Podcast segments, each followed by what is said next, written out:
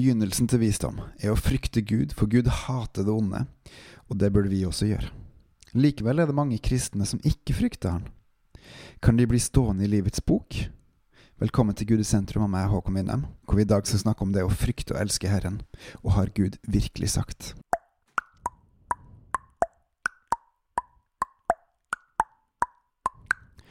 Litt kort sagt, har Gud virkelig sagt? Har eksistert siden tidens begynnelse med Adam og Eva i paradis.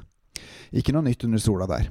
Men det er et viktig spørsmål, for noen ganger har mennesker påstått at Gud har sagt noe som vi har funnet på.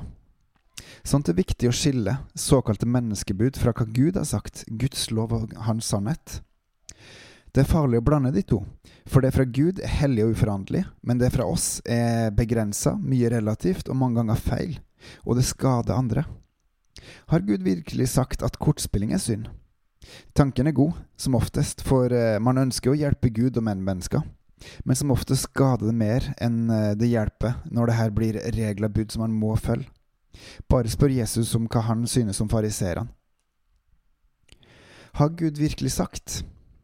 Ei anna grøft er også livsfarlig å falle i, å stille spørsmål om Guds lov og stille spørsmål om hva som er greit lov og ikke.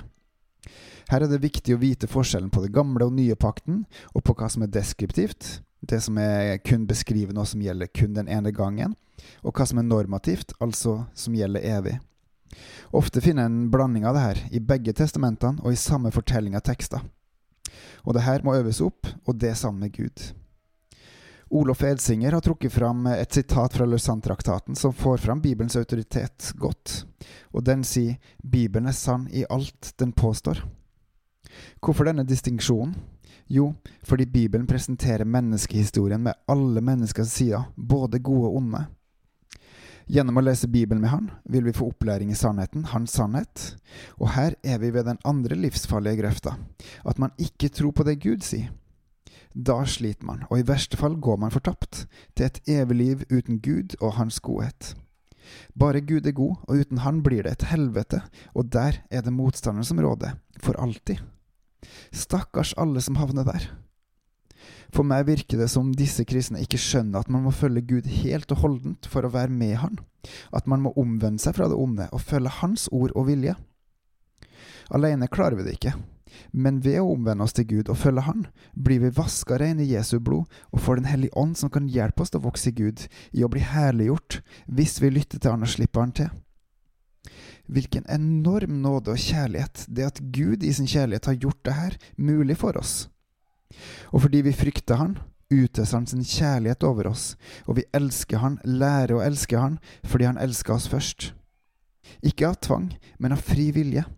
Gud ofra sin egen sønn for at hver den av oss som tar imot Han, han vil bli frelst, vil få evig liv, det å kjenne Han. Wow! Tenk, vi har Gud som far, hvis vi følger Han. Har Gud virkelig sagt? er et viktig spørsmål, og kun ved å lese Bibelen systematisk, tema for tema, og til oppbygging, åndelig oppbygging hvis du vil, sammen med Han og Hans ånd, kan vi virkelig finne ut hva Gud har sagt, og fortsatt si. Les Bibelen med Han, og veks i Han, til Hans ære. Bebels og på gjenhør.